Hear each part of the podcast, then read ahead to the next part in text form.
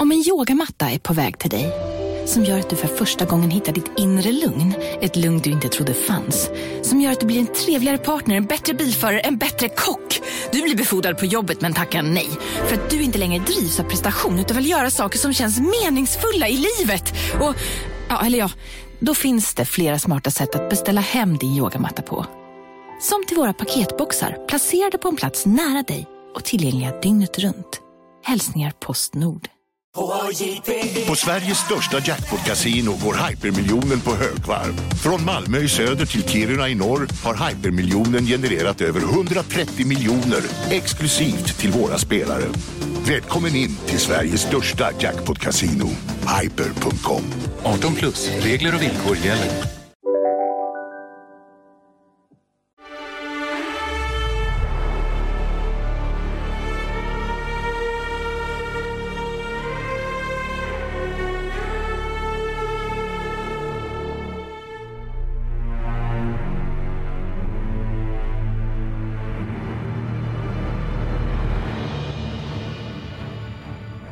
Stefan Effenberg phoned me on the night before the final and said, you know, after the final, um, after the final whistle, we'll uh, swap shirts, and uh, and I said, no, no problem, we'll do that. And you I, I heard on his voice it was just a matter of two, three, four nil for Germany. You know, you've got a chance when John Jensen scores. I mean, that hasn't happened that often in his career. John is one of my best friends. I play a lot of golf with him, spend a lot of time with him, and.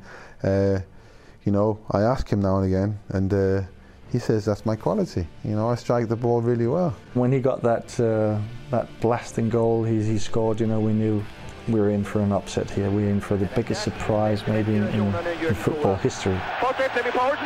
Peter Glasner med ind på midten, og der kommer John Jensen. Ja!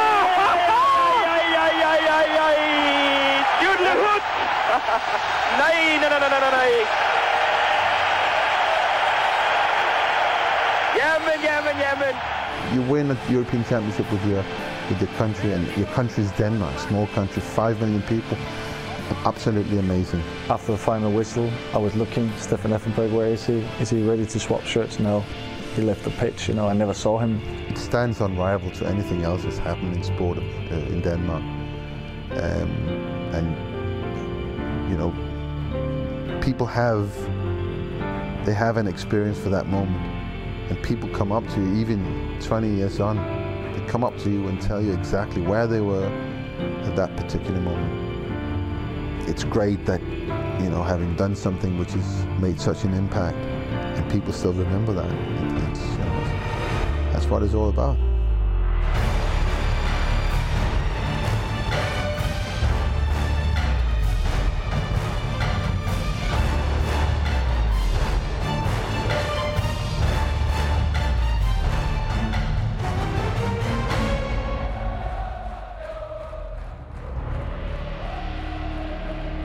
Det blev en krokig väg in i Europamästerskapet, men till Sverige kom de i alla fall till slut.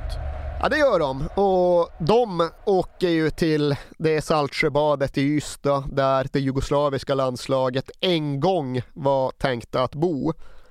Och innan vi inleder själva matchandet i den här EM-turneringen vill jag ju ta det här tillfället i akt att ställa dig inför ett bostadsquiz. Jaha. För det är ju mycket som är fascinerande med stora mästerskap i lilla Sverige. Mm. Så fort vi pratar om VM 58 då måste vi liksom häpna inför att det spelats VM-matcher på Järnvallen i Sandviken. Mm. När vi pratar om EM 92, ja, men då kan vi inte låta bli att mysa lite runt att så stora lag och så stora spelare har bott på så anspråkslösa platser i Sverige. Så Danmark, ja, de bor alltså på Saltsjöbad i Ystad. Nu ska jag ge dig några andra hotell och boenden i Sverige och så ska du få säga vilken EM-nation som bodde där. Okej. Örenäs gård i Glumslöv. Vilka bodde där? Eh, England? Nej, Frankrike. Ja. Du får göra så att du liksom Glumslöv, ja, det är ju där Glumslövs backar någonstans mellan Helsingborg och Landskrona. Du får para ihop Ja, destination men jag har ingen aning var Glumslöv ligger. Vet du inte vart Glumslöv ligger? Helvete. Ja. Åtvidaberg vet du vart det ligger. Ja. Och så kan du fundera på vilka som hade användning av att bo på hotellstallet i Åtvidaberg under EM. England? Nej, där bodde Tyskland. Jaha. Världsmästarna, Klinsmann, Föller, Effenberg, alla de är hotellstallet i Åtvid. Ja. Star Hotel i Sollentuna. Eh, England? Sverige! Ja! I alla fall i anslutning till själva matcherna. Ja. Det fanns någon typ av basläger i Gimo. Ja. Men det här var innan det svenska landslaget bodde nere vid Stureplan som de gör nu för Ja, tiden. det. Då bodde de istället på Star Hotel i Sollentuna. Ja. Och så avslutningsvis min personliga favorit. Vildmarkshotellet i Kolmården. OSS? Bra! Ja! Hur fick du ihop det? Nej, det var bara ren chansning Jag faktiskt. kände att det finns något med kynnet där. Vildmark, OSS. Ja, du ja. kom ut i triumf Ja. eh, till slut. Ja men nu är det snart premiär i varje fall. Hur ser laget ut? Jo, det kan vi passa på att dra igenom. För Danmark ska då spela sin EM-premiär mot England i Malmö. Och de ställer upp sitt lag i en, vad ska vi kalla det, 3-4-1-2 uppställning. Såklart Peter Schmeichel i mål, den största stjärnan, den bästa spelaren av dem alla. Sen spelar ju Danmark alltjämt enligt ja, men klassisk tysk försvarstradition där backlinjen består av en libero och två markerande mittbackar. Här är då kaptenen Lars Olsen, sweeper, och så är de två markerande ytterbackarna Kent Nielsen och Kim Kristofte. Kim Kristofte, ska vi betona, hade även en väldigt bra uppspelsfot. Han var väl kanske egentligen mer av en mittfältare, men det innebar att han skötte ju väldigt mycket av den danska speluppbyggnaden. Wingbacks kallades de inte på den här tiden, men vi använde termen ändå för att ni ska förstå vad John Sivebäck gjorde till höger och vad Henrik Andersen gjorde till vänster. Innanför de två lite mer sittande mittfältare, lite mer defensiva, lite mer bollsamlande, för den delen rätt hårt löpande och hårt krigande. Men det var Kim Wilfort och John Faxe Jensen. Varför kallas han för Faxe? Därför att han har en favoritläsk från Faxe-bryggerierna. va? Nej, inte alls Var rätt. det? Ja, Faxe är väl i första hand en bärs liksom. Och det trodde jag verkligen att ja, men han gillade att dricka Faxebärsen. Det Ja. tror jag är den vedertagna förklaringen. Men det som hände var tydligen att han någon gång i sin ungdom var på ett träningsläger i Sverige och var med som yngre grabb med de stora tuffa killarna och lyckades på ett eller annat sätt göra dem irriterade eller i alla fall trötta på honom. Så de ska liksom ha tagit fast honom och döpt honom, hällt en massa faxe över honom. Jaha. Så det gick stackars Faxe runt och luktade Faxe Ja. och sen blev han Faxe för resten av Ja. sitt liv.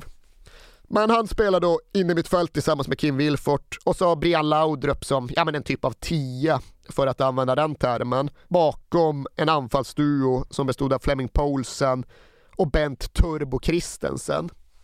På förhand inte det mest namnkunniga landslaget men samtidigt i konkurrensen, ja vad tusan, England i det här läget ledda av Graham Taylor. De kommer ju till EM-premiär med ett landslag som snabbt gått bakåt från sin fina sommar i Italien-VM 1990. Mm. Deras elva, ja, den innehåller spelare som Chris Woods då i mål, men sen Keith Curl, Martin Keown, Trevor Steven, Carlton Palmer, Alan Smith. Så det är ett riktigt, riktigt deppigt Mm. Ja engelskt lag. verkligen. Ja. Och Peter Schmeichel har sagt det att ja, visst, vi var kanske inte laget med bästa förberedelser och största förhoppningar, men när vi fick in den engelska elvan i vårt omklädningsrum för avspark, de här kan vi slå. Ja. De här är vi inte chanslösa Nej. mot.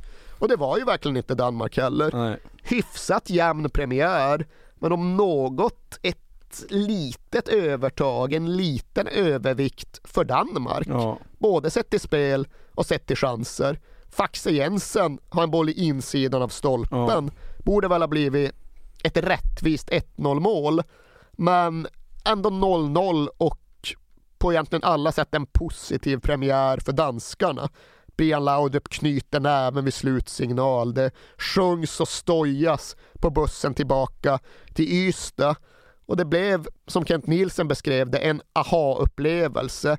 Det blev ett kvitto på att de inte alls skulle vara några chanslösa semesterfirare. De kunde absolut hävda sig i den här EM-turneringen. Mm. Och sen var det dags för Sverige. Ja, det var det. Och det är ju för i alla fall svenskar ur äldre generationer eller från en annan del av landet så självklart vår största fotbollsrivalitet. Jag har inte riktigt vuxit upp med det själv. Jag har känt starkare för andra matcher men jag vet ju att Danmarksmatcherna det har varit de mest upptrissade under ja, men egentligen hela 1900-talet. Mm. Var man danskdödare som hade ja, gjort mål på parken, ja. då var man odödlig. Och det här, ja det var de möten 92, år 92 mellan de eviga skandinaviska rivalerna. Några parenteser inför matchen bara. Vi på Aftonbladet skickar tydligen en reporter till Kirke Hyllinge i Danmark bara att följa en Old Boys match med Finn Laudrup inför den här EM-matchen. Ja. Tyckte tydligen att det fanns något i den scoutingrapporten som kunde hjälpa oss. Det var svinbra vinkel. Ja, den ja. hade något. Uh, inför avspark på Råsunda, ytterligare en liten parentes som jag ändå tar med. Fyra av de danska spelarna sjöng inte med i nationalsången. Och det är då Schmeichel, Kim Wilfort, Christensen och kapten Lars Olsen. Det fick Rickard Möller Nielsen så upprörd att han senare tvingade dem att sjunga nationalsången under resten av turneringen som en annan uppskruvad Janne Andersson-figur. Och det här blir ju ytterligare en jämn match. Officiellt så är det bara 650 danskar på Råsunda, för det var de enda biljetterna som Jugoslavien hade fått. Men det är väl lite fler utspridda på Råsundas olika sektioner. Och inledningsvis har de en hel del att glädja sig åt. Första halvlek är Danmark väl så bra som Sverige och det är lite som mot England igen. 0-0 med lite mer smak i paus. Sen gör Tommy Svensson sina grejer och de svenska spelarna sitt och kanske är det så att bristen på förberedelser lite kommer ikapp Danmark. För under den andra halvlek så trycker Sverige på gasen och trampar ifrån. Thomas Brolin stöter ju in det här fina improviserade avslutet mm. efter sådär en timme. Och därefter så är Danmark inte jättenära att komma tillbaka. Sverige ser lite större och lite starkare ut. Jonas Tern dikterar villkor och dominerar på mitten. Och den matchen slutar ju med en känsla av att okej, okay, verkligheten hann ikapp. Ja. Tre fina halvlekar från Danmark men sen orkade de inte längre och det var väl inte så konstigt. Den danska tv-utsändningen från matchen ja, den avslutas och summeras med en kommentator som rätt och slätt konstaterar att ja, Danmark kan inte gå vidare till Europamästerskapens slutspel. Det är ett faktum nu när svenskarna har besegrat oss med 1-0. Bra match, vi kontrollerar de första 25 minuterna, men därefter får vi lämna över glädjen till de blågula. Adjö till Danmark i turneringen och adjö från Råsunda. Vill du säga något Nils Christian? Bisittaren Nils Christian, han konstaterar väl att ja, vi ska väl ändå spela sista matchen oh. först. Men ja, Danmark stänger ihop EM-turneringen med det här nederlaget. Oh. Och sist, men sista matchen ska spelas mot Frankrike, men det är fortfarande några dagar dit. Ja, det är det och det hinner hända en hel del under dem. Och det är både högt och lågt och det är glädje och sorg.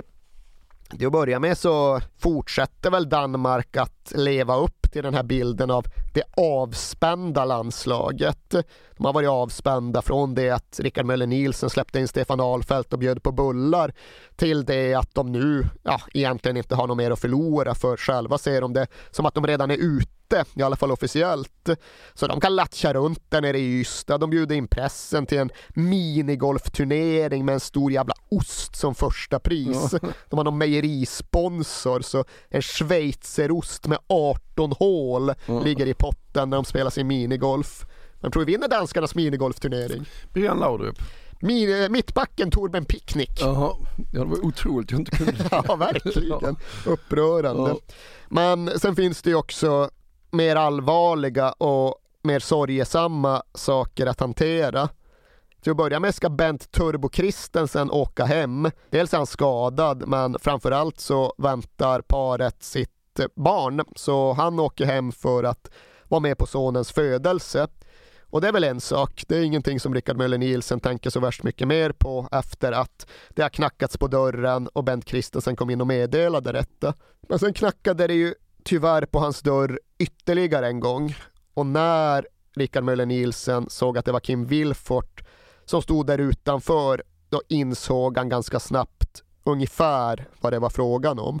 För de som stod Kim Wilfort nära, de visste ju att han befann sig mitt uppe i en personlig kamp som var oerhört mycket viktigare än någonting som pågick på någon fotbollsplan i något EM-slutspel.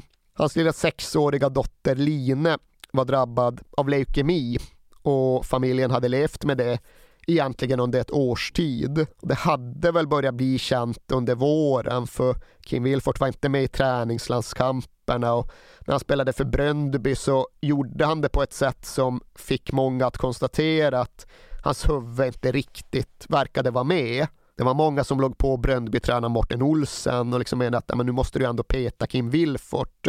Hur mycket sympati vi än känner för hans belägenhet så kan han inte fortsätta spela på det här frånvarande sättet. Men Morten Olsen sa bara, nej, tappa mycket hellre ligatiteln än att peta Kim Wilfort mm. ifall han själv vill spela.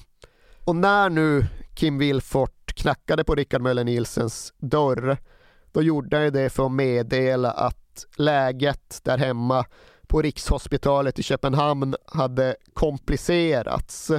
Kanske inte hade förvärrats men det fanns oklarheter kring hur läkarna skulle lägga om behandlingen för den sjuka dottern. Och Kim Wilfort ville givetvis åka hem och hålla sig informerad och få en förståelse för vad som pågick. Och det fanns naturligtvis absolut ingen diskussion att ha kring det. Det var ju bara att eh, vinka hej då och önska all, all tänkbar lycka och eh, både Wilfort själv och Rickard Möller Nielsen kände ju att ja, han spelar ju såklart inget mer i något EM. Dels på grund av situationen runt hans sjuka dotter, men också eftersom att ingen av dem egentligen trodde att Danmark skulle gå vidare. Men Kim Wilfort lämnar laget och det som sägs i landslagslägret det är att ja, det här ska nu inte komma ut och bli en stor medial sak. Det här ska skötas diskret och nu blev det inte så, utan nu blev det ändå en stor grej uppslagen i ett par av de danska tabloiderna och det fick känslor att svalla både i och runt det danska landslaget.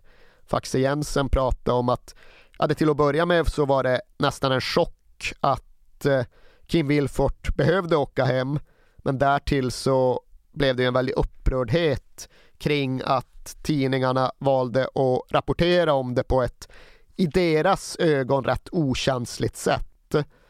Så när Danmark väl åker till Malmö för att spela den avslutande gruppspelsmatchen mot Frankrike så är det ju inte i så hög utsträckning med känslan av att oj oj, EM lever, allt står på spel, nu ska vi till varje pris vinna matchen, utan det är mycket mer det här att okej, okay, nu spelar vi för Kim. Mm. Och de ska möta Frankrike och Frankrike är rätt så säkra på att det här vinner de va? Ja, de är ju topptippade i hela turneringen och det är väl inte så konstigt. De har Michel Platini som förbundskapten och de har Eric Cantona och Jean-Pierre Papin på topp. Papin har ju vunnit Ballon d'Or året mm. tidigare och anses väl vara Europas allra vassaste anfallare. Men Danmark går lika fullt in i matchen ja, men som ett lag som dels inte har något att förlora, men därtill som ett lag som måste vinna. För att spela på kryss, det har absolut inget värde för dem. De vet att ja, till att börja med måste de vinna sin match och därtill måste de ha lite tur med utfallet i matchen mellan Sverige och England för att överhuvudtaget ha en chans. Så Danmark struntar ju totalt i om det är Papin och Cantona eller Deschamps på andra sidan, de blåser på framåt. Och istället för Kim Wilfort så har det kommit in en kille som heter Henrik Larsen i laget. Store Larsen, som de känner honom i Danmark. Och det är klart som tusan att det är just han som gör 1-0 efter bara åtta minuter. Frank in the middle, it bypassed him. Oh, and a great shot, and there's a goal! Henrik Larsson Denmark have taken the lead Larsson finishing in great style here. Och jag ska verkligen inte försöka mig på danska uttal, men han konstaterar bara när han ska kommentera och beskriva målet att han skämter han ligger i röven. Och översättning, ja men han, han drämmer till bollen hårt. Ja, det är ett snyggt mål. Ja, absolut. Det är en bra träff. Det, han drar till bollen i röven som han Ja. själv skulle uttryckt, eh, uttryckt saken. Men trots att de leder i paus så är de fortfarande ändå utslagna. För de behöver Sverige. Men Sverige ligger fortfarande under mot England. Och i det här läget så är det England och Sverige som går till semifinal. Och inte blir ju situationen särskilt mycket ljusare när Jean-Pierre Papin kvitterar i den 60 minuten. Slutspelsplatsen är nu ännu lite längre bort och i mångas ögon så försvinner den iväg ytterligare när Rickard Möller Nielsen gör sitt ja, nästan patenterade byte efter 68 minuter. Ut med Brian Laudrup, in med Lars Elstrup som i det här läget spelar i den danska andra divisionen. Ja. Det är den typen av byte som landar rätt illa ifall matchen inte slutar väl. Ja. Det är den typen av byte som historien dömer åt ena eller andra hållet. Men det är väl också den typen av byte som får lyckan och opinionen att definitivt vända runt en förbundskapten, hela hans arbete, hela hans sätt att vara. För tio minuter efter att han har blivit inbytt så nog tusan stöter Lars Elstrup in ett ledningsmål för Danmark. They've sprung the offside trap there, Denmark. It's Poulsen. Frank is up there. Oh, Bolly missed it. And there's the goal. It's number 10, Lars Elstrup, who scored for Denmark.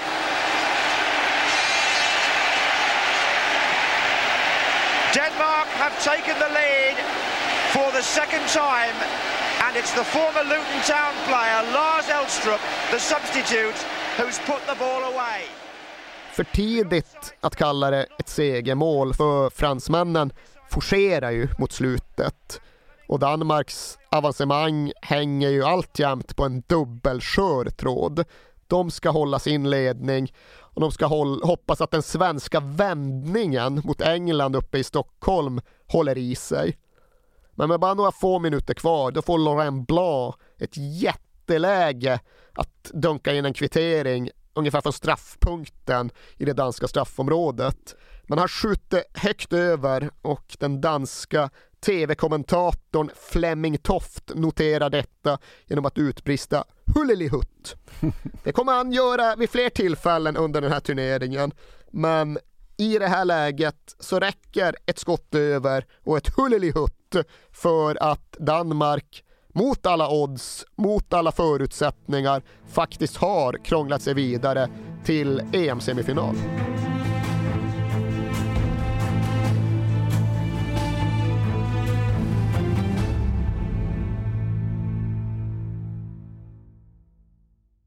Jag vill inleda med att säga att det är garanterad jackpot på 13 miljoner på Stryktipset. Och fy fasen. Ja, visst.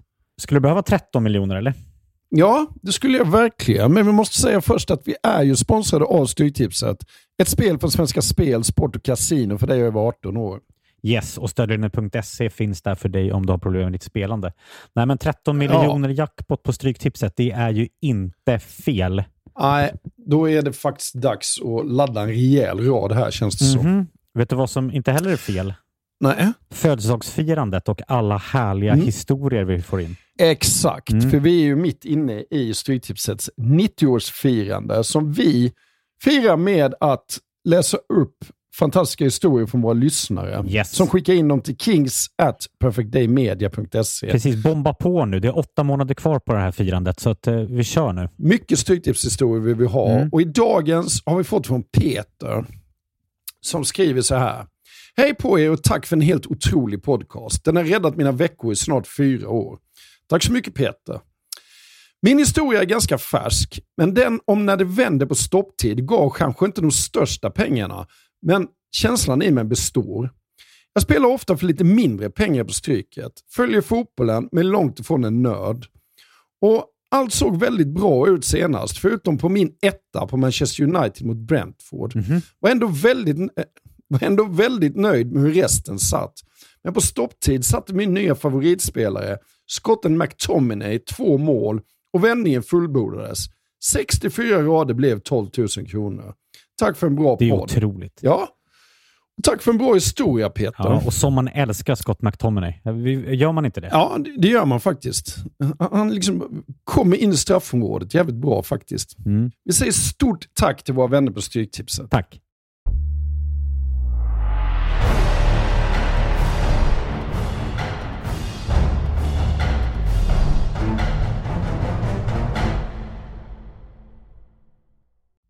Och nu hyllas väl Rickard Möller Nielsen va? Japp, det gör han, för nu har vinden vänt. Nu har allt det som var nackdelar och skavanker tidigare vänts till fördelar och kvalitetsegenskaper. Till exempel bara det här med att ja, danskarna de flyttar ju efter gruppspelet. Nu ska de upp till Göteborg och spela semifinal. Då kan man inte bo i Ystad längre. Då ska man givetvis bo i Stenungsund och träna på Eh, det vet jag inte. på Nösnäsvallen, klassisk träningsmark. Brukar ligga landslag där. Sverige hade legat där inför VM 90 men då hade tydligen Olle Nordin stängt ner allt som gjorde att Stenungsundarna knappt kom i närheten av landslaget. Så gör ju inte Rickard Möller Nielsen utan nu är det ju öppet hus på Nösnäsvallen. Alla får komma till Nösnäsvallen och allt Rickard Möller Nielsen gör och tar vid förvandlas ju till genialt guld i omvärldens ögon. I det här läget så tar de någon dag bussen från Stenungsund till Nya Ullevi i Göteborg för att träna. På vägen passerar de ett McDonalds och Faxe Jensen får vittring och börjar sätta press. Kan vi inte få äta på McDonalds nu istället för den här doktors jävla hundmat? Och Rickard Möller Nielsen, ja, funderar lite. Träningen går sen, okej. Om spelarna vill gå på McDonalds, då får spelarna gå på McDonalds. Så de dundrar dit med hela spelarbussen. Faxe Jensen pratar om den bästa måltid han någonsin ätit. Och Rickard Möller Nielsen framstår plötsligt som världens skönaste, mest avslappnade, världens godmodiga symbol för det öppna, frisinnade, lättillgängliga Danmark. Får frågor på presskonferensen om att ja, har de fått fira dina spelare nu när det har gått så bra? De kan gott dricka en bajer.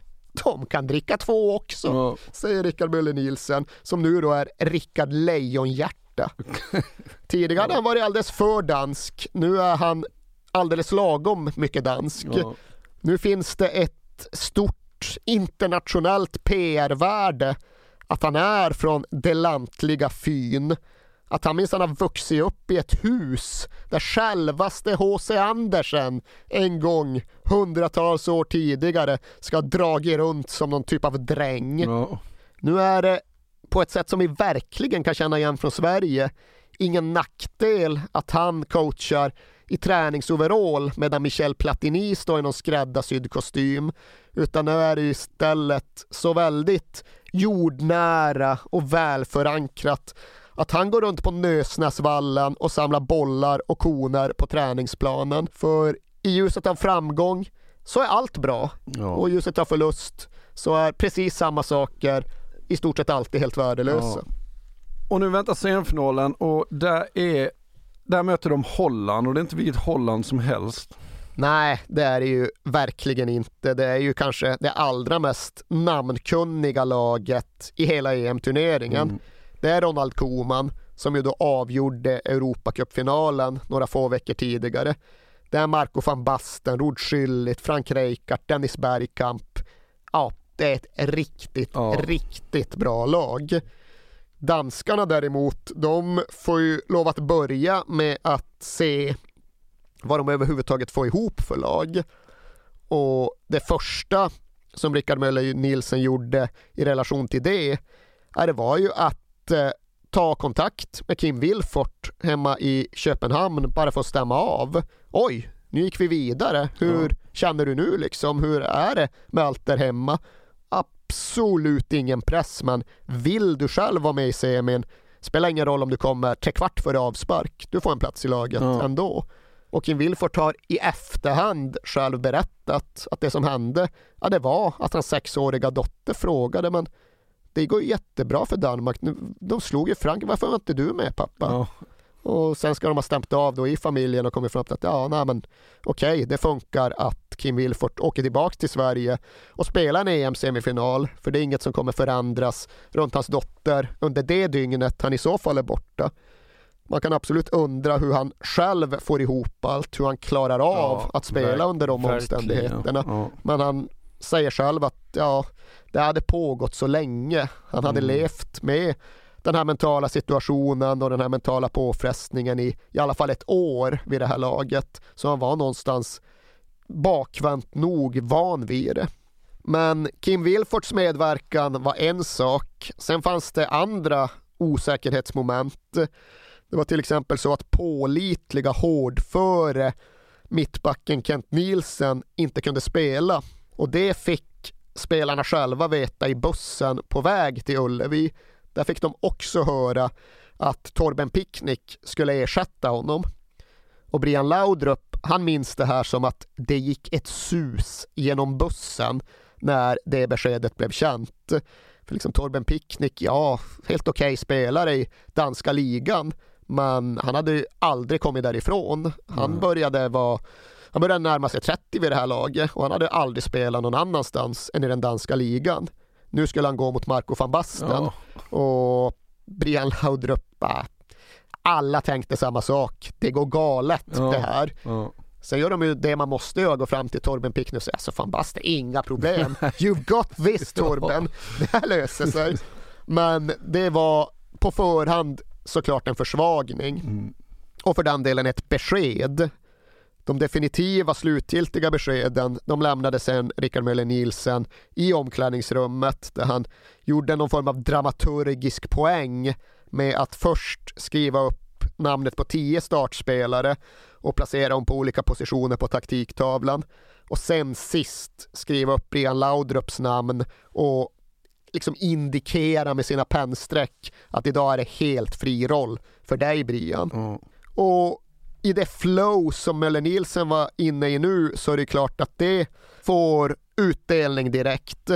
Det går fem minuter, sen har Brian Laudrup snickrat fram ett tomt och öppet mål för Store Larsen. Ja. Henrik Larsen som kommer på bortre och bara kan nicka in det danska ledningsmålet. Ruggigt fint inlägg. Ja, det är det. Som vi får lägga ut på, www.k podcast på Ja. Instagram. ja, Eh, sen vet jag inte om vi ska lägga ut den holländska kvitteringen för det är ju ett rätt det är ett rätt mjukt mål. jag skulle vilja säga att det är det enda misstaget Schmeichel gör nästan under turneringen. Ja, det tycker jag att eh, vi kan konstatera. Det är ju inget av de andra målen de släpper in som man borde ha Nej, räddat. Den här borde han Det här ta. borde han ha Ja. räddat.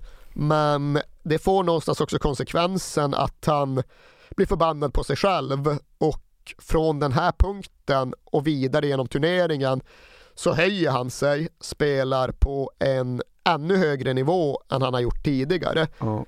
Går han in i zonen, i trans, vad ni vill, men Peter Schmeichel lyckas reagera på rätt sätt på det egna misstaget som ändå innebär holländsk kvittering. Mm. Men det här är ju en svängig match, en innehållsrik match, en klassisk match, en av de allra mest klassiska matcherna i hela den danska fotbollshistorien. Och det går inte lång tid efter den holländska kvitteringen innan Store Larsen är där igen. Mm. Det är helvete vad han är överallt hela Ja. tiden, Store Larsen. Men han trycker dit ett danskt ledningsmål med högerfoten. Olsen to Larsen. Olsen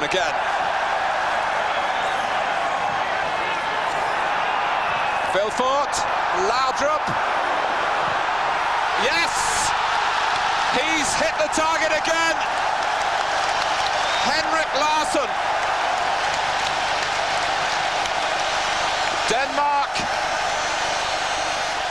lead for a second time. Tacka en svensk för det. Vem, vilken svensk tror du han tackar för, för alla de här utslagsgivande målen i EM? Nej, det vet jag faktiskt inte. Nej, det gör du inte. Eh. han tackade svenska tränaren Kent Karlsson som han då har hemma i klubblaget Lyngby. Ja. För det är Kent Karlsson som har lärt honom den här typen av andra vågslöpningar. Att han liksom kommer in i straffområdet efter den första vågen. På så sätt kan han liksom komma både i fart och komma omarkerad och på så sätt så blir det fler mål gjorda. Ja. Så dansk ledning i paus, men dansk trötthet, dansk slitenhet som blir allt mer påtaglig. Faxe Jensen säger i paus att ah, jag orkar max en kvart till.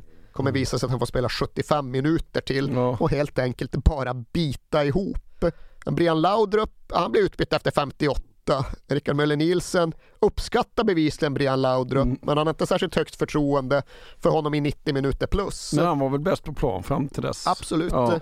Men det är ändå bara små saker och trivialiteter i jämförelse med det som händer efter en dryg timme. Då den nyttiga danska wingbacken Henrik Andersen går sönder på ett jäkligt obehagligt Ja. sätt. Det kommer jag inte lägga upp på Insta för det, var, det är fruktansvärt äckliga Ja, det bilder. får folk leta sig fram Ja. till själva om de nu har den magen. Men det som händer, det är ju en extremt ovanlig typ av grafisk fotbollsskada. Ja. Som händer är att Henrik Anderssons knäskål trycks iväg upp ur sitt läge. Den förflyttas liksom från sin ordinarie plats 5, 6, 7 centimeter upp på benet. ja, det är så jävla äckligt. Och ja. det säger ju sig självt att det är ingen liten skada. Henrik Andersen tittar ju ner på sitt eget deformerade ben och börjar hyperventilera av rädsla. Mm. Kim Kristoff är snabbt fram och liksom håller för ögonen på Andersen så att han inte ska kunna se sin egen kropp. Men det är så dags då. Ja. Han kommer visserligen in i omklädningsrummet och får morfin av lagläkaren så då seglar han väl iväg på lite mer behagliga moln men det blir inget mer EM-spel för honom. nej, nej. Det är raka vägen till avdelning 47 på Östra sjukhuset i Göteborg. Och det sorgesamma är ju att det aldrig blir samma karriär igen för Henrik Andersen. Nej. Han kommer aldrig riktigt tillbaka efter den här extremt obehagliga skadan. Ja. Så det är en verklig motgång för såklart främst individen men även för det danska laget. Och för dem följer ju även en mer sportslig motgång i semifinalens absoluta slutskede när Frank Rijkaard kvitterar i den 86 minuten. Mm. Och då lägrar ju sig återigen den här känslan av att ah, längre än så här räcker det såklart inte. Tänk vad tappra de har varit i Danmark och tänk vad mycket bra de har gjort och tänk att de har kommit längre än någon hade kunnat tro. Men nu är det över. Det räcker ju med att bara titta på laget för att inse att de är slutkörda. Stjärnan är utbytt och ytterspringan är på sjukhus och hälften av de övriga spelarna går ju på både knän och hörtänder. I och med de två bytena så betyder det ju också att eh, Rickard Möller Nielsen är bakbunden. Tilläts bara två byten på den här tiden. Han har gjort dem och då spelar det liksom ingen roll att hans spelare är fullständigt färdiga. De får lov att knacka på ändå. Faxe Jensen ville bli utbytt i paus. Det är bara att glömma. John Sivebäck spelar egentligen skadad. Ja, det är bara att kriga vidare. Kapten Lars Olsen blir skadad i en duell när han kläms mellan sköldarna, men det finns ingen möjlighet för honom att gå av. Det de får lov att göra är att flytta upp honom på topp där han kan lunka omkring och så får striken Fleming Poulsen gå ner och spela sweeper. Mm. Så det är ju smått otroligt. De får tacka både lite tur och lite Peter Schmeichel att de överhuvudtaget tar sig igenom förlängningen. Men det gör de. Holland lyckas inte avgöra utan semifinalen går istället till straffsparksläggning. Och där är det ju som Brian Laudrup sa i efterhand, har man Schmeichel mål kan man alltid vinna straffläggning. Så är det såklart, Mm. även om holländarnas Hans van Breukelen också var ganska högt ansedd. Och även om Danmark ju hade sina spöken och demoner att hantera. Straffsparksläggning i en EM-semi, ja, Det hade Danmark upplevt 1984 och då hade de ju ett så pass sevärt och uppskrivet lag att de någonstans själva trodde att de spelade för titeln. Ja. Men då sköt ju istället Preben Elkjær över med hål i shortsen och där dog den drömmen. Ja. Nu skulle de göra det igen på ett eller annat sätt och de fick ju inleda med att försöka borsta fram skyttar. Det var tydligen inte bestämt och avgjort på förhand utan det var återigen den här lite skandinaviska modellen där en tränare helt enkelt går runt och frågar vem som känner för Ja.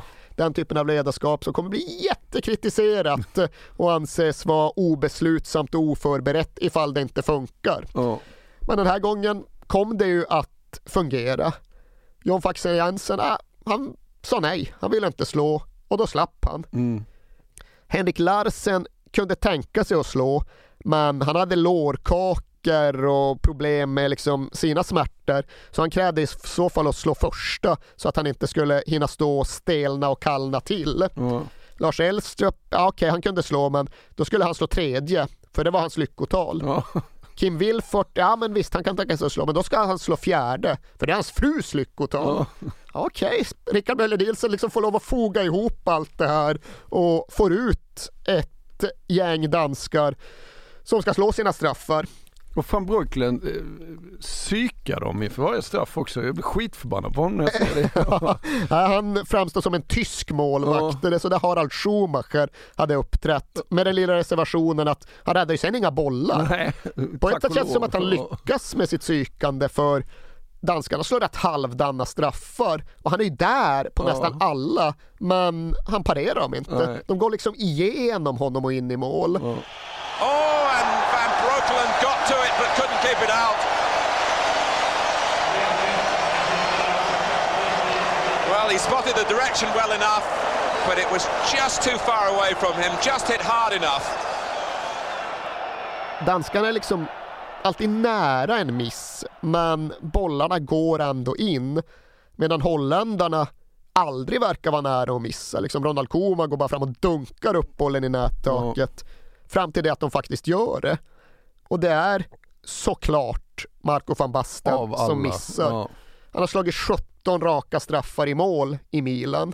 Men det ska tydligen ha varit till nackdel för honom. För Peter Schmeichel själv hävdar i alla fall att han har ju sett alla de där 17 och han vet att han brukar slå den vid målvaktens vänstra stolpe.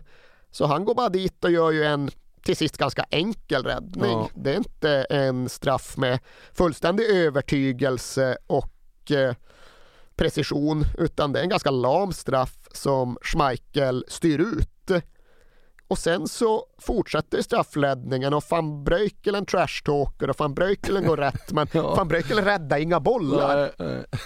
Lars Elstrup har bestämt sig för att han ska skjuta till vänster men sen gör han det som man aldrig någonsin ska göra enligt all vedertagen straffpsykologi. Han ändrar sig precis i sista stund men den här gången blir det rätt. Ja. För det innebär att han slår den där van Breukelen inte är. Kim Wilfort, ja vilken jäkla dramatik att han ska slå en av de avgörande straffarna. Men den bollen kryper också in. Och tv-kommentatorn konstaterar bara ah, jag unnar dig det målet Kim Wilfort. Ja. Och det var han inte ensam om. Well, Kim Vilfort. They're asking a great deal of him. Vilfort, whose family problems have brought such pain, they have eased over the past couple of days. And Phil Fort gets the biggest cheer of all. My word, that took some nerve. Knowing that his family will be watching back in Denmark. That's a brilliant moment for Vilfort. Whatever happens here in the final analysis, you have to take your hat off to him. På Östra sjukhuset där det sitter Henrik Andersen på morfin och fnittrar när han får straffläggningen refererad för sig. Mm. Men trots att han är uppe i det blå så vågar tydligen inte referenten, läkaren som är med honom, avslöja att van Basten har missat. Nej. Han låtsas bara att det är helt jämnt av en eller annan anledning. Så för Henrik Andersen är det inte klart och tydligt att Kim Kristofte faktiskt har möjlighet att avgöra när vi har kommit fram till den ordinarie straffsparksläggningens sista spark. Det är bara den där van Basten-missen. Sen är det enbart mål och det innebär att om Kristoffer gör mål, ja då har Danmark slagit in fem bollar och Holland bara fyra och då är det final. Och det faktum att det är just Kim Kristoffer som ska slå den här avgörande straffen, ja det faktumet delar hans lagkamrater. För Kim Kristoffer är speciell. Han är inte som de andra barnen. Dels är han äldst i laget, men det innebär inte att han tar på sig rollen av att vara någon typ av sammanhållande lagpappa. Utan Kim Kristofte, han går sin egen väg. Han har alltid gått sin egen väg. Han har studerat på det som är Danmarks motsvarighet till Handelshögskolan, men han är ingen liksom businesskille, utan det här är en bohem. Vad gjorde Kim Kristofte under EM-veckorna? Kan någon fråga hans lagkamrater. Han satt mest på en sten ensam och studerade segelbåtar. Mm.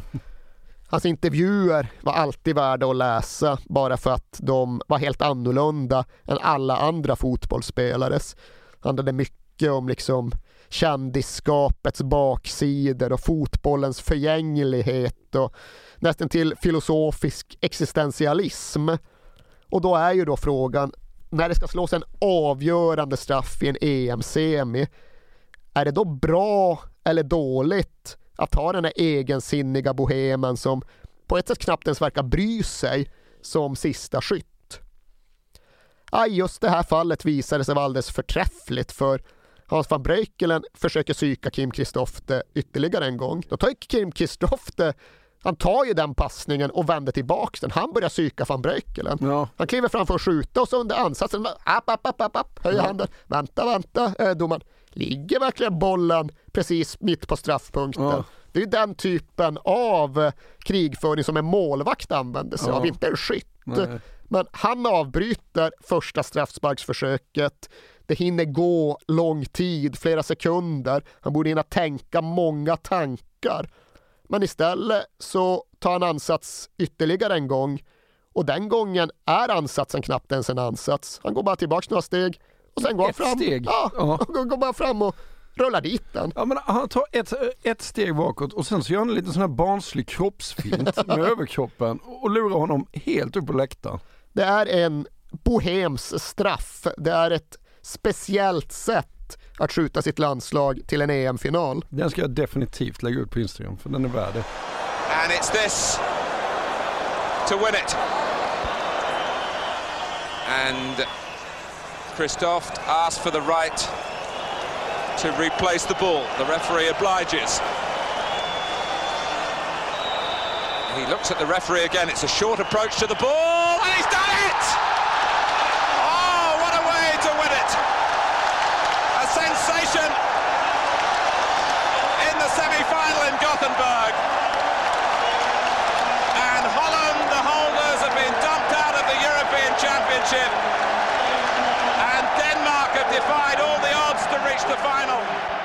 Men som sagt, det här är ju det är Danmarks Rumänien-match ja. upphöjt till två. Mm. För den är ju, måste vi erkänna, ännu mer innehållsrik.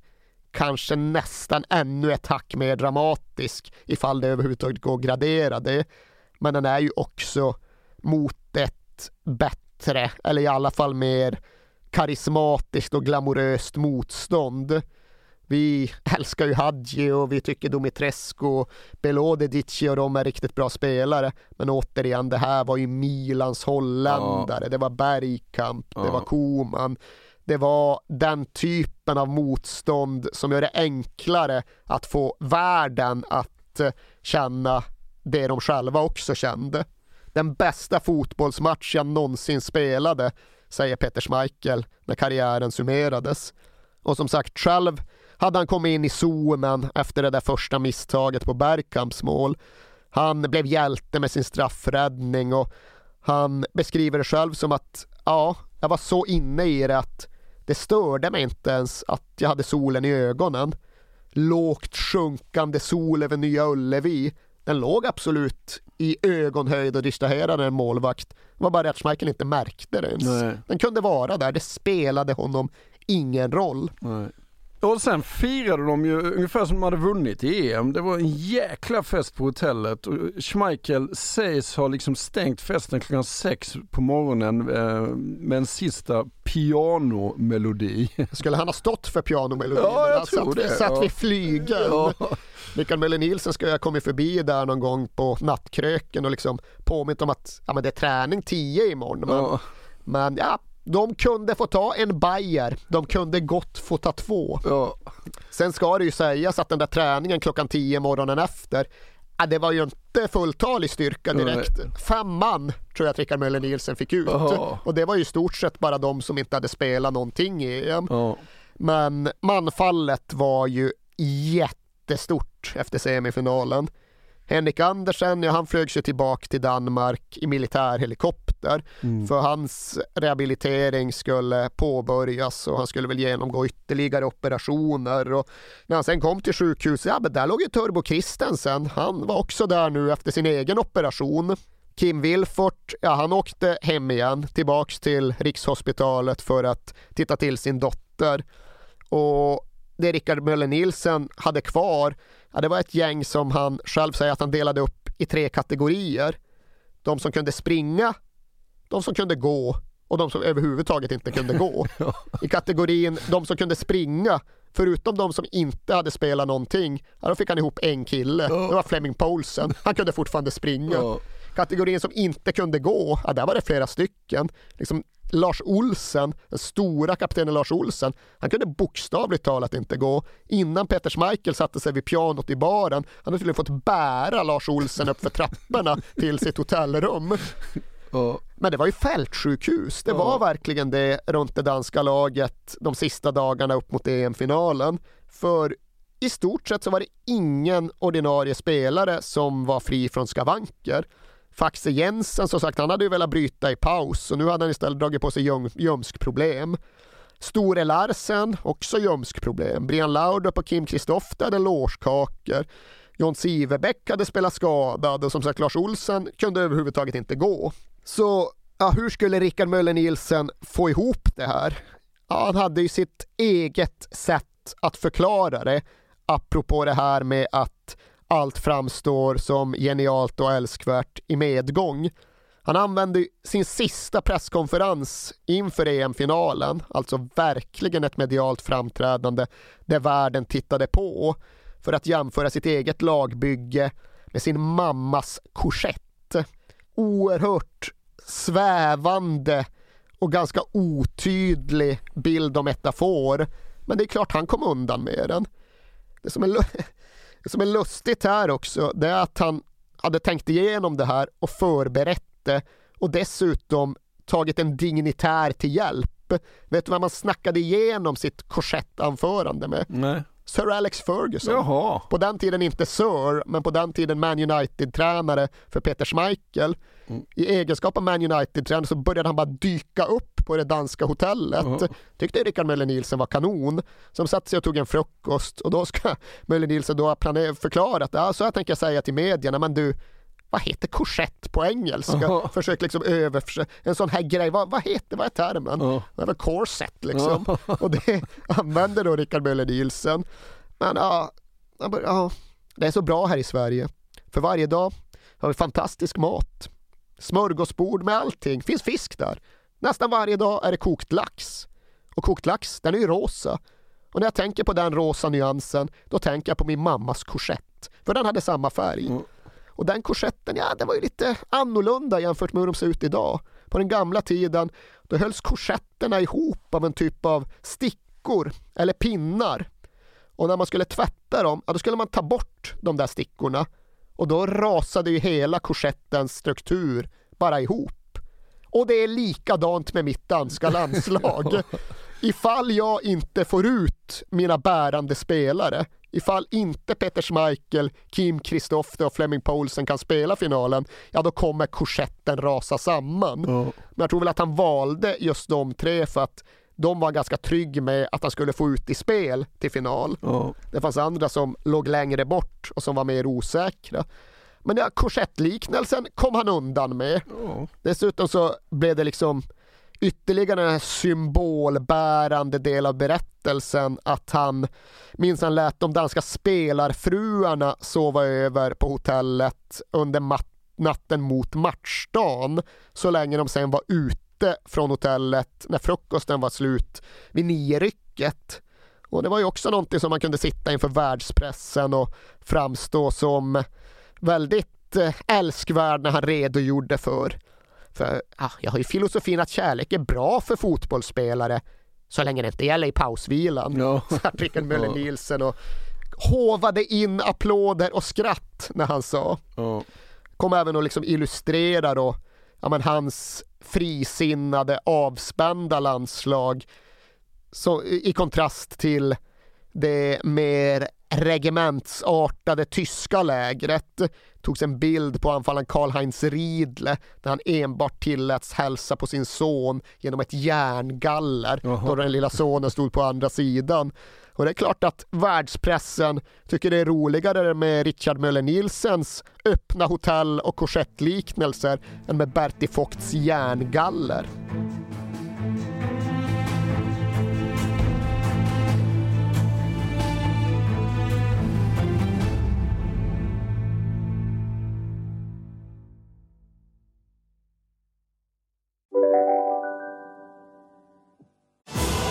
Välkomna tillbaka till Sibylla där sportbörjaren nu laddar för mål. Otroligt taggad och toppat formen med stekt lök och dubbel cheddarost. Det här blir en riktigt god match! Sportbörjare, ett original i godaste laget. Från Sibylla. Ni är med om det största. Och det största är den minsta. Ni minns de första ögonblicken. Och den där blicken gör er starkare. Så starka att ni är ömtåliga. Men hittar trygghet i Sveriges populäraste barnförsäkring. Trygg Hansa. Trygghet för livet. Hej! Abbo hemma Hur låter din badrumsritual? Kanske så här? Eller så här? Oavsett vilken ritual du har så hittar du produkterna och inspirationen hos Apohem. I det här läget så var ju Möller han var ju trollkaren. Han gick ju på vatten. Allt han tog sig för var ju sånt som bidrog till hans helgonstatus. Och även här, när vi närmar oss den faktiska finalen och går in på det rent fotbollsmässiga, så kommer han ju undan med och lyckas med sånt som annars hade blivit fullständigt utdömt ifall han hade varit en tränare i en annan position som sen skulle förklara ett annat slutresultat. För du vet vad han gjorde samma dag som finalen skulle spelas? Nej. Då åker han till Nya Ullevi liksom tidigt på dagen, förmiddagen, finalen går ju på kvällen. Då tar han med sig två av sina viktiga skadedrabbade spelare John Sivebäck, höger wingback, Kent Nielsen, markerande inneback. Så säger han till dem, okej okay, grabbar, nu ska jag säga som det är. Om jag ska välja en av er till startelvan ikväll, då tar jag den som springer snabbast. Så liksom sätter han upp en löparbana på Nya Ullevi. De ska liksom köra ryck, typ 20 meter runt någon kon eller något och sen tillbaka. Och, ja, nu, nu ska ni springa.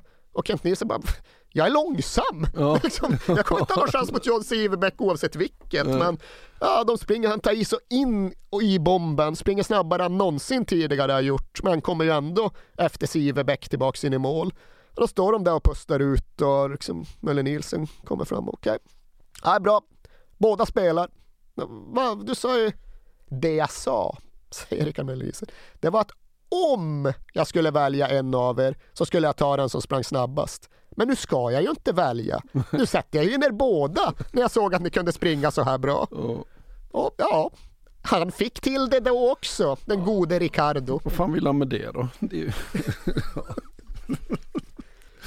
ja, och i Danmark lär de inte vara ointresserade va? det är väl en rättvis sak att säga. Det hade ju varit karneval runt fotbollslandslaget ja, ända sedan Frankrike-matchen, definitivt i anslutning till semifinalen. Då började de där bilderna komma när liksom danska polisbilar körde runt i Köpenhamn med massa folk uppe på taket och sådär. Och det var ju den stämningen som rådde även inför finalen. Det händer ju ibland inför stora fotbollsmatcher att det utfärdas så serveringsförbud i stora städer för beslutsfattarna tycker att det blir för rörigt. Danskarna gick ju såklart i motsatt riktning. Alla krogar i Köpenhamn fick ha öppet dygnet runt när det var final. De fick inte servera alkohol riktigt hela tiden men fram till 05 på morgonen var det fullt blåst. Då var det bara att servera. Roskildefestivalen pågick ju samtidigt som detta skulle ske och de tog ju det unika beslutet att ja, men, när finalen spelas kan inte vara några band som giggar då. Nej. Som liksom stängde ner Roskildefestivalen under tre timmar och lät istället högtalarsystemet spela radioreferatet och så drog de upp en massa olika tv-skärmar och så vidare. Den danska statsministern Paul Schlüter, han befann sig tydligen i Portugal för han försökte lappa ihop sin sida av det europeiska samarbetet så Formellt sett var det en utbildningsminister som hette Bertel Harder som var ställföreträdande statsminister. Konstitutionen i Danmark är tydligen skriven så att det måste befinna sig en person med statsministeruppdrag i landet. Mm. När sittande statsminister är utomlands, ja, då får eh, någon annan lov att fylla i. Men den här Bertil Harder, ja, han glassade runt där och sen så hittade han plötsligt två finalbiljetter ligga och skräpa på kulturministeriet. Fuck it, tänker Bertel och dra till Sverige. Så rent formellt och konstitutionellt så hade Danmark ingen statsminister, Nej. ingen fungerande regering den här kvällen och natten de skulle spela EM-final. Man måste älska. Ja. Ska vi gå in på finalen då? Ja, och det blir ju tufft för Danmark för de får visserligen ut de allra flesta av sina lappade och lagade spelare. Egentligen den enda stora förändringen att Kim Kristofte får spela vänster wingback istället för Henrik Andersen och hans knäskål. Men även om elvan ser rätt bra ut så ser inte spelet inledningsvis något vidare ut. De framstår just som trötta, tröga. De kommer inte upp i tempo tempo utan det är ju världsmästarna från Tyskland. Ja, det är ett ruggigt lag. Ja, alltså, jag tror det är åtta killar som mm. var med och vann VM-finalen två år tidigare ja. som fortfarande spelar. Det är ju de som dikterar villkoret och Danmark, de får ju mest försöka dra ner på tempot och liksom bromsa den tyska anstormningen. Det är lite kul för det här är den sista stora matchen, sista internationella matchen då bakåtpassningar fortfarande är tillåtna. Ja. Det blir ju förbjudet efter den här turneringen. Och jävlar vad Danmark drar nytta av att de fortfarande har det alternativet. Ja. Bara i första halvlek 18 bakåtpassningar Aha. som Schmeichel då plockar upp med händerna Aha. och sen står och studsar och liksom dödar 45 sekunder på. Det tog 10 sekunder innan de gjorde det för första gången. Ja.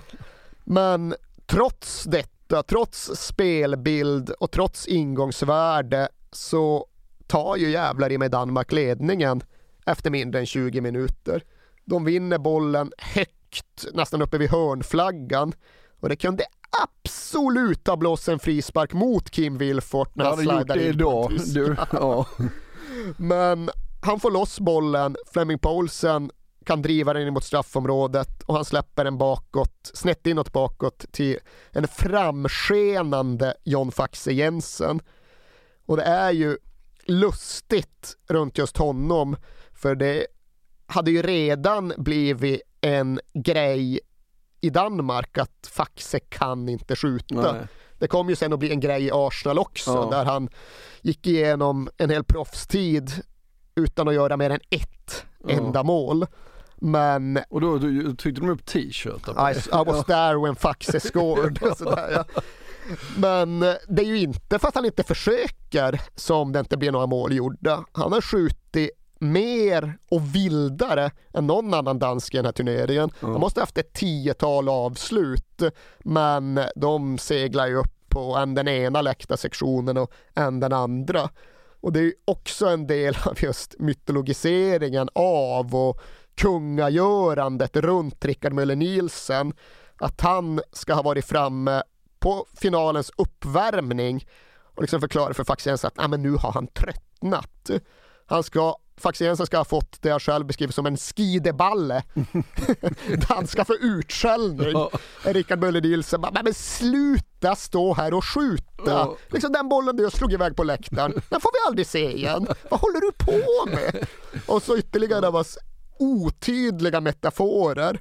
För Faxiensen är tydligen någon häst hemma i Danmark. Ingen, inte han själv heller, hade någonsin fattat om det var en trav eller en galopphäst. Men det är då Rickard Möller-Diesel säger till Faxe, om jag klistrar fast en bild av den där jävla hästen på dina skosnören, kan du då titta ner på den och komma ihåg att du ska ha kroppen över bollen när du ska skjuta? Otydligt råd i mina ögon. Men sen går det 20 minuter av finalen och så skenar Faxe Jensen fram och drar dit ett sånt jävla skott ja, det det. från hörnet av straffområdet och det susar ju bara upp i Bodo Ilgners närmsta kryss. Ja. Peter Glasner med in på mitten och där kommer John Jensen.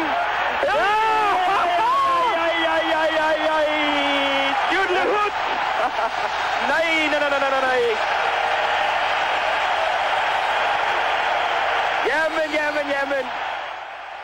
Schuttelihutt, konstaterar den danska ja. kommentatorn på numera etablerat maner. Och ja, Danmark leder. Faxe Jensen använder Store Larsens ordbruk när han pratar om att han skulle ha ramte den också i röven. Ja. För, ja, och själv också, bollen gick in, han var helt chock. Jag trodde det var frispark eller offside eller något. För liksom helt uteslutet att han ska ha skjutit in ett skott. Hur reagerade, reagerade Tyskland på detta då? Ja, men lite som det anstår ett världsmästarlag. Tyskland gjorde ingen dålig insats i finalen. Och ganska tätt in på det danska ledningsmålet så vänder Jürgen Klinsmann om och drar iväg ett bra skott i fel hörn från straffområdesgränsen. Och det är ett sånt skott som Klinsmann själv har sagt att ja, men 99 av 100, ja. är mål. Ja. Han är helt övertygad om när bollen lämnar foten att det där är kvitterat. Ja. Men Peter Schmeichel lyckas ställa om sin egen kropp, gå tillbaks mot hörnet han kommit ifrån, sträcka ut och precis då få ner fingertopparna mot stolproten och styra undan bollen. Ruggig räddning är det. Ja. Folk blev ju besvikna på dig när du la ut Peter Schmeichels insats mot Newcastle borta ja, för Man United. Folk jag vågar knappt göra det längre. Nej. Den här räddningen beskriver han själv som kanske den bästa, definitivt den viktigaste han någonsin gjorde. Så den förtjänar väl ändå ja, sitt utlägg. Jag vågar mig nog på det ja. ja. Och som sagt, Peter Schmeichel är ju ända sedan upptakten av Hollandsmatchen i zonen. Danskarna, de hade en anonym reserv i den här turneringen, en kille som heter Morten Brun som inte spelade en minut men som ganska ofta används just när de ska berätta om turneringen. För han kunde liksom följa det på lite distans trots att han var med i truppen. Och hans beskrivning är att de tillfällen jag nästan kände mig lugnast när Danmark spelade, ja, det var när motståndarna närmade sig ett skottläge. För då betydde det alltid att vi skulle få bollen. För mm. Schmeichel räddade och sen vände vi spelet med ett utkast. Ja. Så jag tyckte han var liksom en kanonsituation. Och den här finalen, visst, jag vet inte, du kanske inte kan få ihop det där Instagram-inlägget där vi har 14 olika Peter Schmeichel-ingripanden. För det är inte så att tyskarna bombarderar det danska målet. Men det han gör, det gör han ju så oerhört bra, så oerhört självsäkert. Ibland faktiskt till gränsen, på gränsen till direkt övermodigt. Det är den där räddningen på Klinsmans skott. När det börjar närma sig de avgörande slutminuterna då har han en annan riktigt vass räddning på en Klinsmann-nick uppe vid krysset. Uh -huh. och strax därefter så har han ett ingripande som nästan blivit ännu mer legendariskt. För då kommer han lite fel på ett tyskt inlägg när han är långt ute och vinglar i straffområdet. Men det berör liksom inte Peter Schmeichel i den här formen. När han kommer lite fel på bollen, då hivar han bara ut en av sina långa teleskoparmar och suger in inlägget med en hand och greppar det på så sätt. Mm. Och det är ju ett dumt ingripande, men det är ett jäkligt lyckat ingripande och det ser bra ut på tv-bilder. Ja. Men när Peter Schmeichel gör det, ja, då är det ju bara sisådär en kvart kvar av matchen och då börjar ju den här känslan runt att det går inte för Danmark att släppa in mål. Allt går deras väg.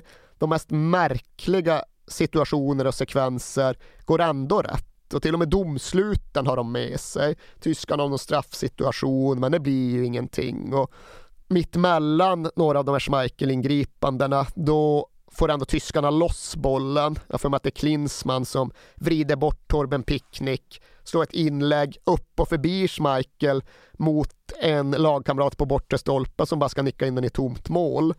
Men då lyckas den skadade klumpige, orörlige Kent Nielsen med någon halsbrytande cykel cykelspark precis bara kvartssekunden innan tyskarna ska nicka in kvitteringen. Och det var också den där situationen som lite som Schmeichels enhandsplockning bara underströk att de lyckas med allt. Det spelar ja. ingen roll om de tar fel beslut. Det spelar ingen roll ifall det är fel kille i fel situation. Kent Nielsen upphäver fysikens lagar och överträffa på så sätt sig själv och få bort den där bollen. Ja. Och mitt uppe i allt det här, mitt uppe i den danska lyckovågen som på något sätt inte tycks ha något slut, ja då blir det en situation uppe på den tyska planhalvan. Det blir en nickduell där lille Thomas Hessler såklart är helt chanslös. Det blir någon närkamp, det blir någon flipperboll, det blir något medtag och plötsligt så har faktiskt Kim Wilfort ett skottläge. Och det är inte så bra och skottet är inte särskilt hårt men det kryper in precis den centimeter nere vid stolpen där Bodo Ilgner inte kan nå den. Och känslan när Kim Wilfort gör målet är ju först och för att det där kan ju inte godkännas. Nej. Det är en jättehans när han tar med sig bollen. Och det är väl i och för sig så att ja, men lite likt debatten om Englands 3-2 mål på Västtyskland i VM-finalen 66 det har inte fått något definitivt och slutgiltigt utslag för det fanns inga VAR-kameror. Det fanns inte den där förmågan att triangulera åtta olika vinklar för att få ett definitivt besked. Så istället har väl det här, ja men det har blivit danskarnas Kennedy-film de liksom analyserar bollens rotation och rörelse och Kim Wilfort själv, han brukar hänvisa till någon, något arbete som gjorts på filmskolan i Århus. Där menar han att liksom en film, ja den friar honom, det är inte hans för, med tanke på den rotation bollen får så kan den inte ha tagit på hand eller arm, den kan möjligen ha borstat honom på kinden. Och jag har inte sett den filmen men de bilder jag ser visar en klar och tydlig hands på Wilfort. Ja, den bilden jag håller upp som jag bara tagit med min mobil. Om inte det är hand, då vet jag inte vad som inte är hand. Men med det sagt är det ju såklart väldigt, väldigt, väldigt lätt att unna Danmark och Kim Wilfort det målet. Absolut. För det är klart ja. att sagan kan ju inte få ett sånt slut. Alltså den, det avgörandet blir ju för mycket för vilken Hollywoodproducent som helst. Den killen, som ju inte är någon målskytt, han mm. brukar inte dra dit några avgörande bollar. Och nu har han ägnat hela EM-turneringen åt att åka fram och tillbaks till en svårt sjuk liten sexårig dotter på Rikshospitalet. Och så kommer han tillbaka och så avgör han EM-finalen. Ja. Det finns ju inte. Nej.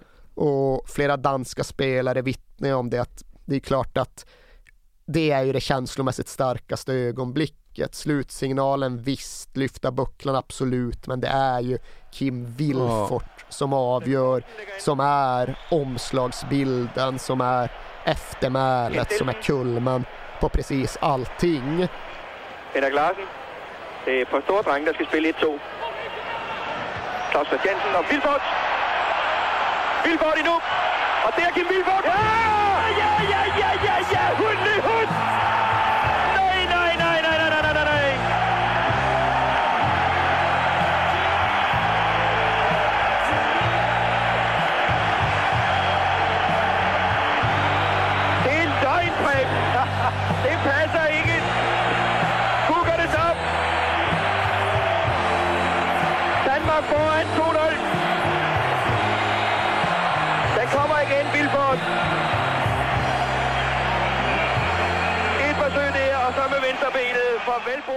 Och det är nästan så att tyskarna själva ställer upp på det för ja, de har någon halvchans men trots att det är 12 minuter plus stopptid kvar så mäktar de inte med någon riktig forcering. Nej. De accepterar nästan att ja, när det blev en sån slutpunkt så ja vadå då? Ja.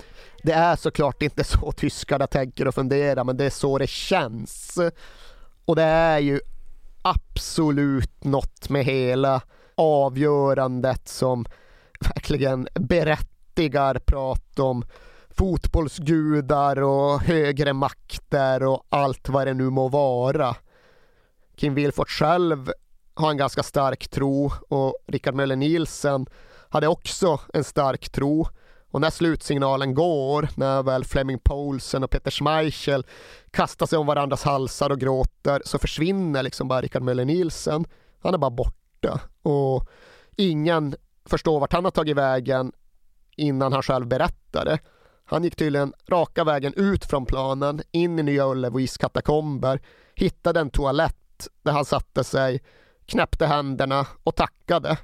Och han tackade såklart dels för sommaren, för framgången, för guldet, för upprättelsen. Men han tackade också för att den där lilla flickan faktiskt fick se hur hennes pappa gjorde mål och blev Europamästare. Ja, det ser ut som att det är slut. Det är slut! De har gjort det igen, det danska fotbollslandslaget. Dansk fotboll, största triumf är en kendsgerning. Siffrorna har vi här. John Jensen, Kim Wilford, målscorerne 2-0 över världsmästarna i denna EM-finale, Och så ser det ut när man har det gott. Till lycka Danmark! Både till dem her i Ullevi Og, till, och med den, där kommer den. Der har vi billedet, venner. Jag kommer ju aldrig personligen glömma den här dagen. Eh, och det har med EM att göra, eller alltså EM-finalen att göra, men det har med en annan grej att göra också. Och det är att eh, jag gjorde som sagt lumpen i Göteborg vid den här tiden, men det här var över midsommar så att jag var hemma i Halmstad då.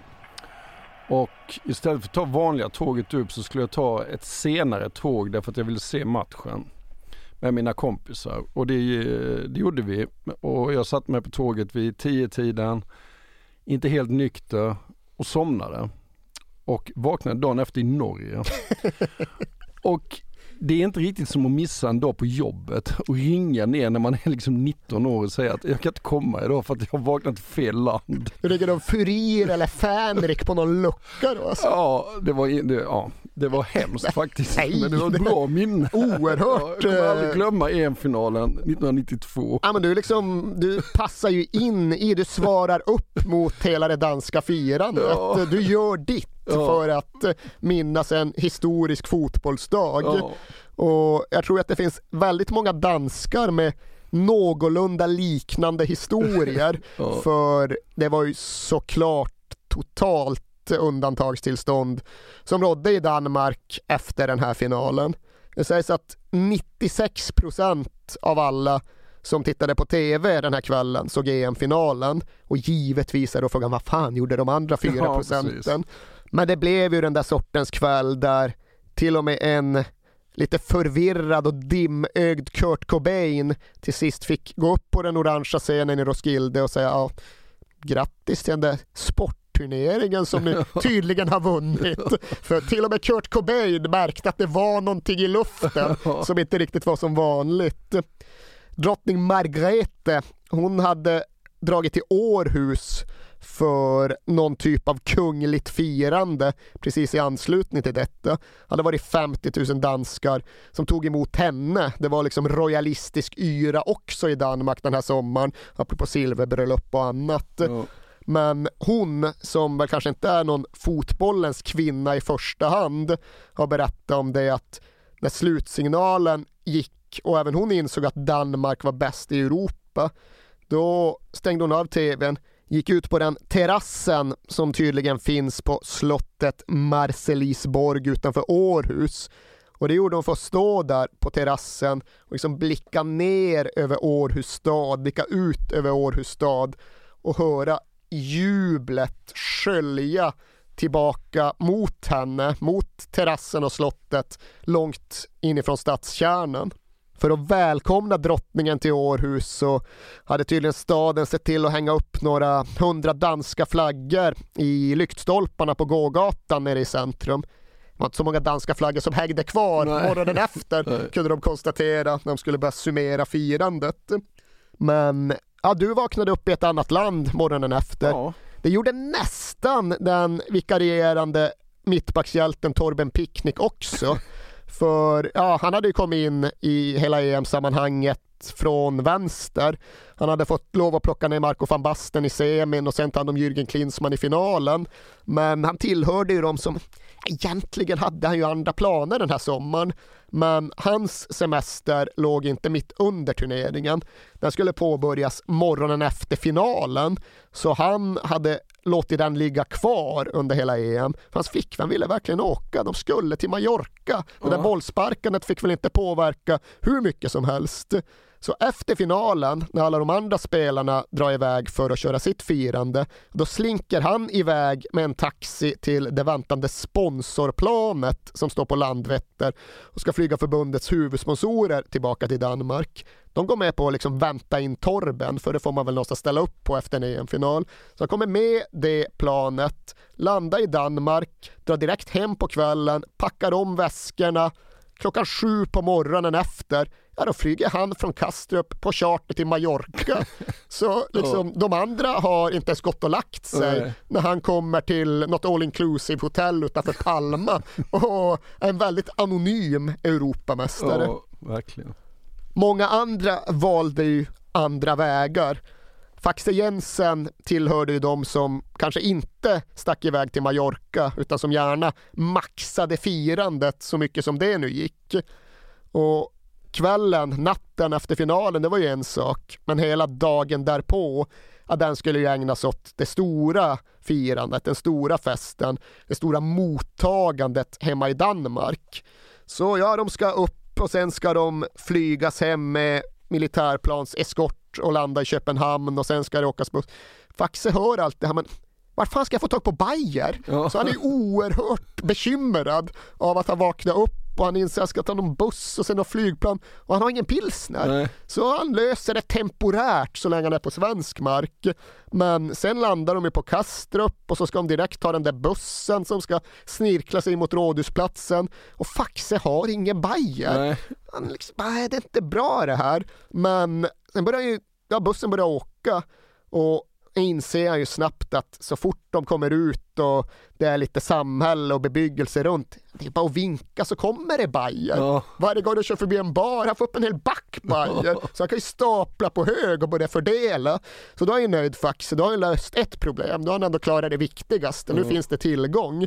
Men efter 10-12 Bayer så börjar han väl ändå känna att okej, nästa situation, jag måste på toa. Ja. Det funkar liksom inte. Det är ju dåtidens drönare som filmar varenda centimeter av den där kortegen. Kan inte ställa sig och liksom pinka i en flaska på flaket. Nej. Det funkar inte så.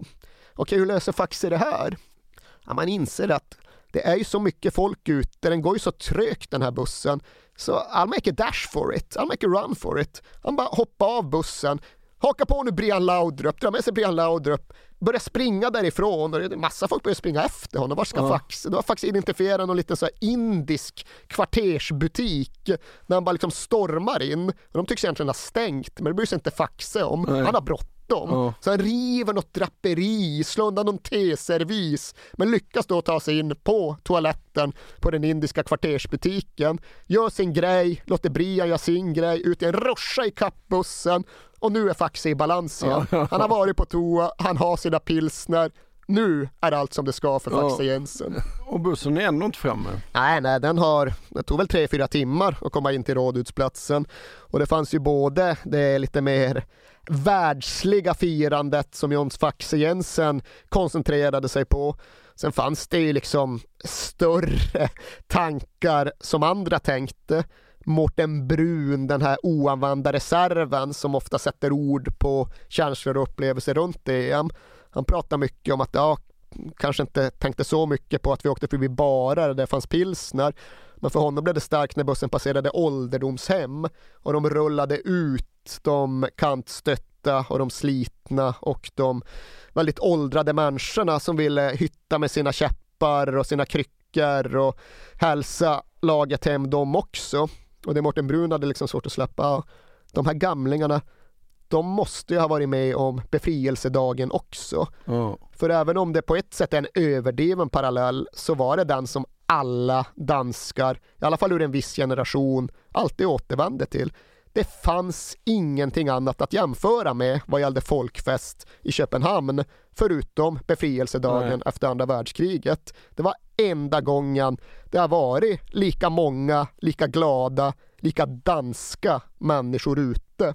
Ja. Och till sist kommer ju bussen fram till Rådhusplatsen, gör ett snabbstopp där de liksom Henrik Andersen har åkt dit med ambulans, så de liksom går in och ger honom bucklan. Sen är inte han kapabel att komma upp på rådhusbalkongen, Nej. för den är för otillgänglig. Dessutom är den den är inte stabil nog. De går ju ut i hela spelartruppen, de är väl 25 personer så där hoppar och Ja. studsar. Sen går man balkongen och ser max åtta personer. Ja. Så liksom, det var inte så långt borta att hela balkongen hade kollapsat och man undrar vad det hade inneburit för Har du historieskrivningen. sett bilderna därifrån eller? Ja, en del av dem. Är det då de har de här hemska gröna Ja, ja, hummelprylarna. Är det hummelprylar? Jajamän. Alltså för jävliga ut. Ja, de, är inte, de är inte perfekta, det fick vara som det var Ja. med den saken. Bucklan hälsade på hos Henrik Andersen i ambulansen, den visades upp på Rådhusets balkong.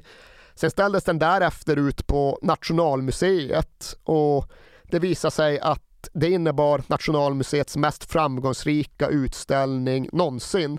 Det kom 80 000 för att titta på bucklan på bara några veckor. Det var liksom hälften av vad de brukar ha på ett helt år på sina konstsamlingar och nationalskatter. Ja. Men EM-bucklan drog mer. Ja. Det här var ju, ja men det här var den danska månlandningen. Och det finns ja, det var faktiskt bra så. Ja men, det, ja men det finns ju såklart ofta en risk att oj oj nu drar man för stora växlar på en fotbollsmatch eller en fotbollsframgång. Nu ska det överanalyseras och överintellektualiseras och överdrivas. Men det går inte att berätta historien om Danmarks EM 1992 och låtsas som att det inte spelade någon roll förutom att det var lite kul att fira på Rådhusplatsen en dag. Nej. Den påverkade Danmark. Ja. Absolut. 100% klart och säkert och över tid på ett ganska bestående sätt. Men det första, det omedelbara, det kanske största, det var väl att den läkte Danmark på ett välbehövligt sätt. För ofta är det ju så i historieskrivningen att ja, men det här var sommaren då Danmark reste sig och gick på tvärs mot övriga Europa och besegrade alla. Nej till EU, ja till EM som det skanderades. Och det är väl sant till viss del, men det är ju inte sant hela vägen. För det var inte så att Maastricht-omröstningen innebar att Danmark som en man reste sig med raka ryggar och stor stolthet och tydlig framtidstro. Det var jättejämn den omröstningen. Den var ju uppslitande. Jag tror det var 50,7 procent som röstade nej och 49,3 som röstade ja. Ja. Det innebär ju att på andra sidan så har du att göra med en delad nation, en splittrad nation och den situationen kan ju snabbt få väldigt problematiska konsekvenser. Så jag tror att just i relation till den där folkomröstningen, då ska ju den danska triumfen ses som det som läkte och enade Danmark när landet riskerade att gå i en helt annan riktning. Politiet skønner, att det idag var upp mot 150 000 människor på Rådhusplatsen och alla var selvfølgelig i gott humör.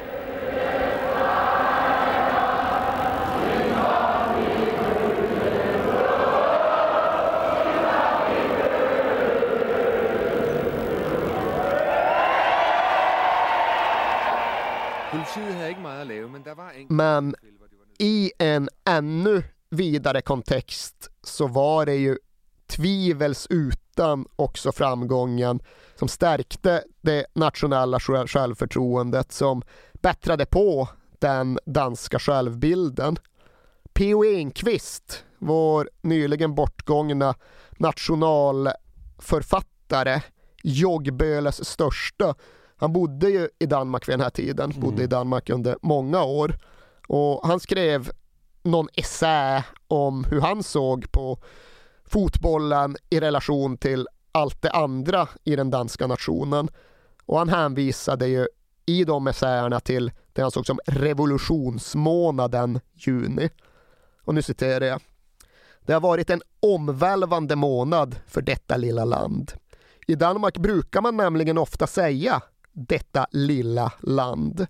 När jag kom till Danmark för 15 år sedan var danskens självsyn, hans sätt att se på sig själv, hur han trodde han var, onekligen ett problem.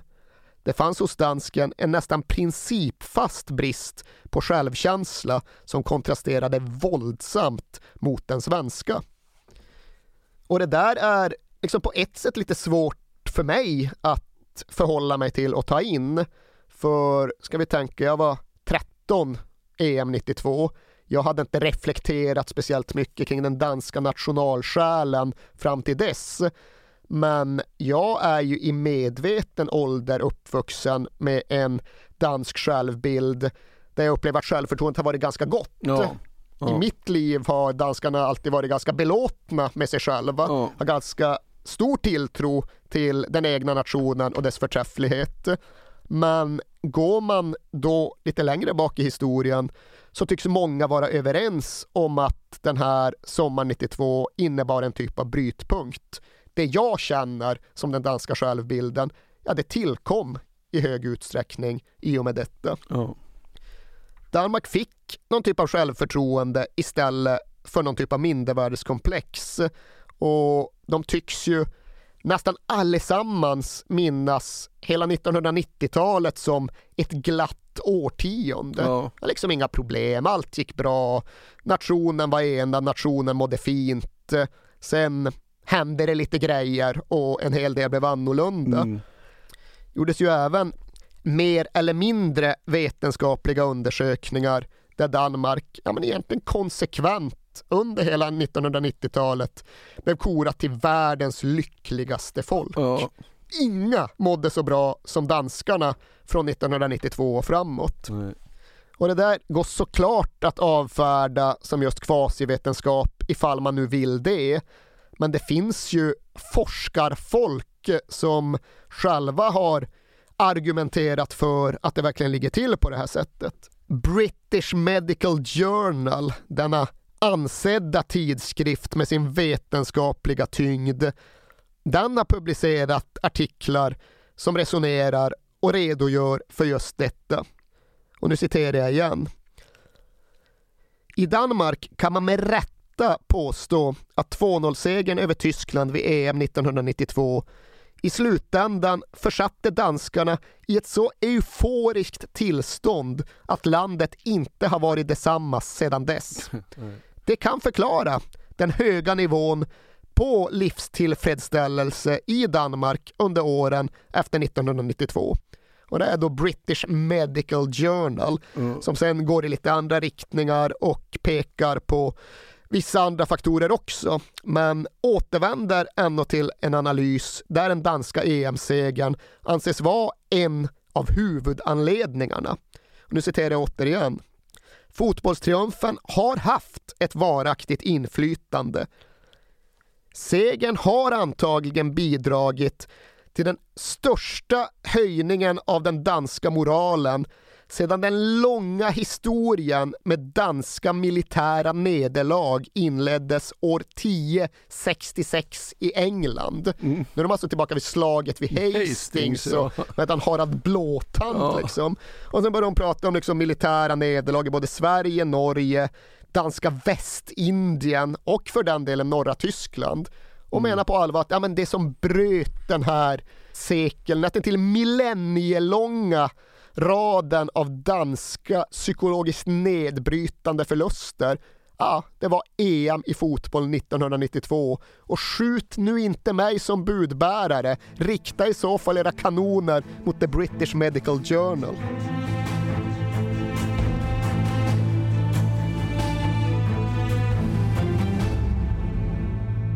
Men allt var inte glatt, utan hur gick det för Kim Wilfort?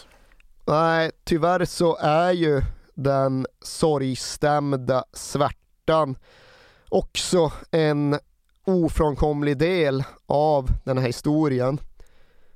Det gick ju bara några veckor efter finalmålet på Ullevi och firandet på Rådhusplatsen innan lilla Line Wilfort inte klarade sig längre. Hon hade en cancertumör i magen, hon hade en ryggmärgstransplantation inplanerad. Men när juli övergick i augusti så orkade inte den lilla kroppen längre. Och det innebar ju att när den danska sagosommaren 1992 närmade sig sitt slut, när det inte längre var ständig sol över Köpenhamn, då samlades några av hjältarna från EM-fotbollen i Sverige i ett helt annat sammanhang. Nu stod de återigen sida vid sida, men nu gjorde de det utan fotbollsoveraller och nu bar de istället svarta sorgkläder. Peter Schmeichel och Kim Kristofte var några av dem som fanns med på begravningen av Line Wilfort. Och även Rickard Möller Nielsen har lämnat oss. Det har han, även om han givetvis han mycket längre på sin livsbana än den stackars lilla Line Wilfort gjorde. Men Rickard Möller Nielsen gick bort 2014, 76 år gammal. Och på samma sätt som kanske framförallt Claes Ingessons bortgång fick oss svenskar att verkligen se hur VM 94 på något sätt är ett band som alltid binder samman de som var med så innebar Rickard Möller Nielsens bortgång ett liknande åskådliggörande. För strax efter att han hade lämnat oss så skulle han väljas in i den danska fotbollens Hall of Fame och det var hans gamla målvakt Peter Schmeichel som kom till ceremonin för att hålla både ett inlednings och ett avskedsanförande.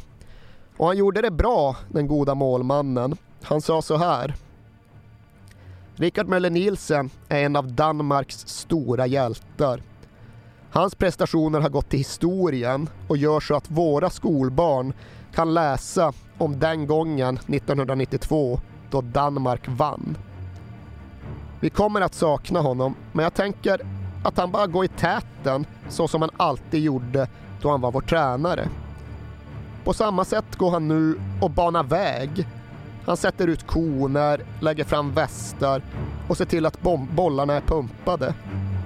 Han gör klart och färdigt så att vi andra också kan komma, så att träningen kan gå igång.